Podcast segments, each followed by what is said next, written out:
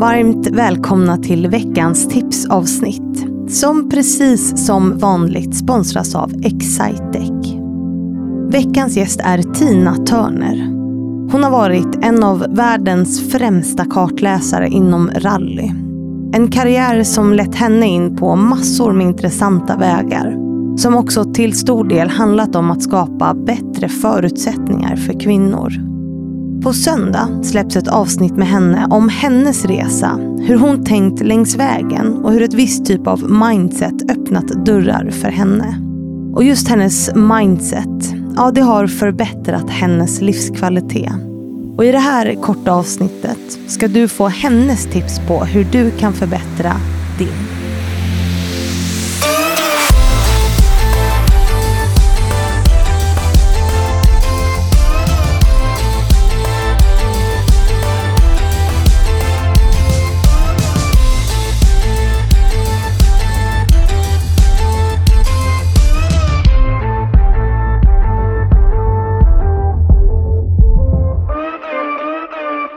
Vi kommer välkomna dig igen då. Ja. Tina Turner, du är ett proffs. Känns det som. Ja, det har ju blivit många intervjuer genom ja. åren. Ja. Känner du dig nöjd med den här då? Absolut, jag känner mig jättenöjd. Vi fick ju prata om sådana saker och kanske lite djupare om vissa saker än vad jag brukar göra i vanliga fall. Ja, du berättade en jätterolig historia på slutet. Eller den är inte rolig, den är ju sjuk. Din historia om hur du övertalade dina kidnappare om att de skulle skydda dig istället för att... En måste alltid ha business case i bakgrunden för det är det hela samhället går ut på. Skapa Ja. business, tjäna pengar. Tjäna pengar. Och ja. då får den med sig de flesta på banan. det, men det är ju tragiskt på sitt sätt. Tragiskt är det på sitt sätt. Men nu har vi ju skapat den, det samhälle och den är ju skapad av våra tidigare generationer. Och eftersom vi inte är smartare utan bara fortsätter att hänga på och inte gör några större förändringar och säger kontroll allt elit på skiten så så fortsätter det ju så tyvärr. Mm. Men en av dina framgångar i, i livet och att liksom lyckas och också kunna göra en sån grej, det är att du har du har testat otroligt mycket saker, du har utmanat dina perspektiv eh, genom hela livet, eller hur? Ja, absolut. Ja. Jag är nog en riktig utmanare. Hade jag varit född tidigare, om vi nu ska säga, så hade jag nog blivit äventyrare. Jag hade nog levt på några sjörövarskepp någonstans. Ja, Men inte sjörövare då, utan nej. då hjälpt istället. Och se till så att det hade blivit växtkrafter. Ja, men, men du har ju också en inställning till livet som han, handlar liksom om att ta vara på livet. Vi lever bara en gång. Eh, och att hitta kvalitet. Livskvalitet, det är ju mitt eh, över, över, över perspektiv det. Ja, det är som ditt överperspektiv. Och sen har du liksom gjort saker utifrån från det på något sätt. Ja. Eh, och livskvalitet, ja det definieras ju olika av, av eh, alla såklart. Vad är livskvalitet? Vi ska inte komma in på de djupa... Nej, där var vi ju inte. Där- Där var vi inte. Så, så det, är ett, det är ett annat avsnitt, det kanske vi ska spela in. Vad är livskvalitet? Mm. Men, men eh, du ska få ge tips eh, till de som lyssnar på hur de kan förbättra sin kvalitet på sina liv. Jag tror framför allt så är det nog att ha en relation till sig själv. Sitt självledarskap. Självledarskap och också våga ifrågasätta sig själv. Mm. Så zooma ut, är det här någonting som skapar växtkraft för mig själv och andra? Det andra tror jag är att en ska inte bry sig så mycket om vad andra säger. Alltså, nu pratar jag utifrån ett sunt, eller sunt, vad är ett sunt, men där vi lever i, i symbios med allihopa och vill skapa möjligheter för så många som möjligt och få livskvalitet. Så att, att den då vågar, eh, vågar leva sitt liv, vad den en själv är, så länge den inte skadar andra. Inte lägger värderingar vid så mycket, för jag tror att just det här med att lägga värderingar, det gör att du mår bättre eller sämre.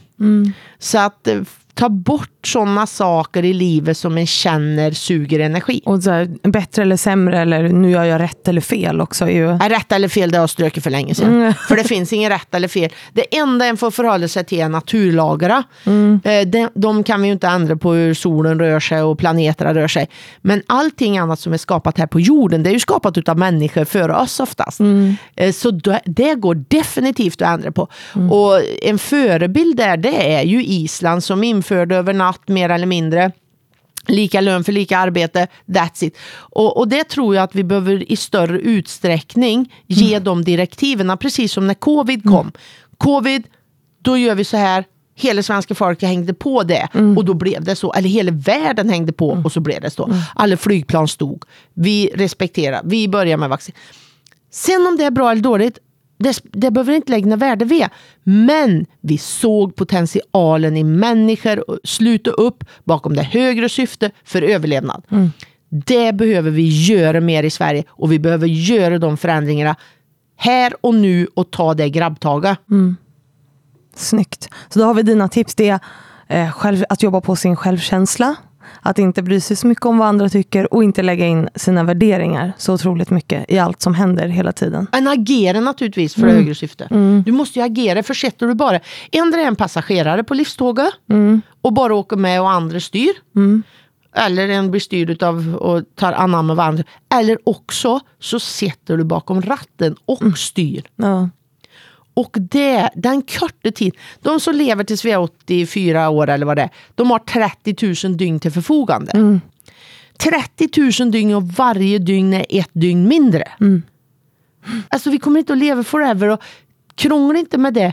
Men skapa värde för nästa generation.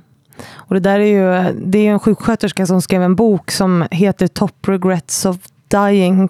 Någonting så, så här, vad, vad ångrar man på sin dödsbädd? Och en av sakerna är ju att man liksom inte har levt sina drömmar, att man liksom har gjort saker som förväntas av en utifrån normer och samhället. Liksom, att man bara har gått den här vägen på något sätt. Och det kan jag säga att eh, när jag ligger på dödsbädden och det sa jag till mamma när jag fyllde, vad var det nu, vi blev ju inbjudna till ett sånt här tv-program. Vad hette det då? Det var någonting- jag visste inte att jag skulle möta hela familjen och mamma hade kommit upp till Stockholm och, och, och alla var där och de hade skrev och vad de tyckte om mig. Och så, Det var ett program på tv. Ja, det heter någonting. Ja, förlåt. Ja, Mm.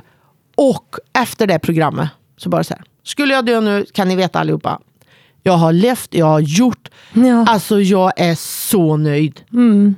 Och jag är så tacksam för nu fick jag också den här kärleken som man kanske inte säger till varann i, i familjen.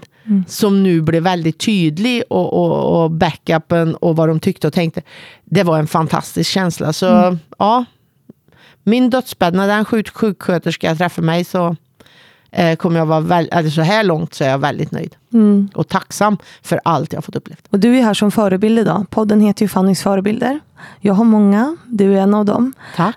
Men har du eh, några förebilder som du ser upp till? Mina förebilder har varit min mormor och min farmor. Deras jordnära råd på hur en beter sig mot andra, men också hur synen på sig själv. Det var två starka kvinnor på två olika sätt som jag har liksom haft med mig genom åren. Och det har hjälpt mig jättebra med en sunda förhållningssätt till mig själv och min omgivning. Men då säger vi tack Tina och så säger vi åt alla att de ska lyssna på ditt avsnitt helt enkelt. Ja, välkomna att lyssna allihopa! Och var lite wild and crazy. Ja, var lite var Glöm inte det. Men med syfte att få växtkraft hos sig själv och andra. Fint. Tusen tack. Tack. Och tusen tack till alla er som lyssnat på veckans tipsavsnitt. Jag hoppas att ni får en fortsatt bra vecka och sen så hörs vi ju på söndag igen, precis som vanligt.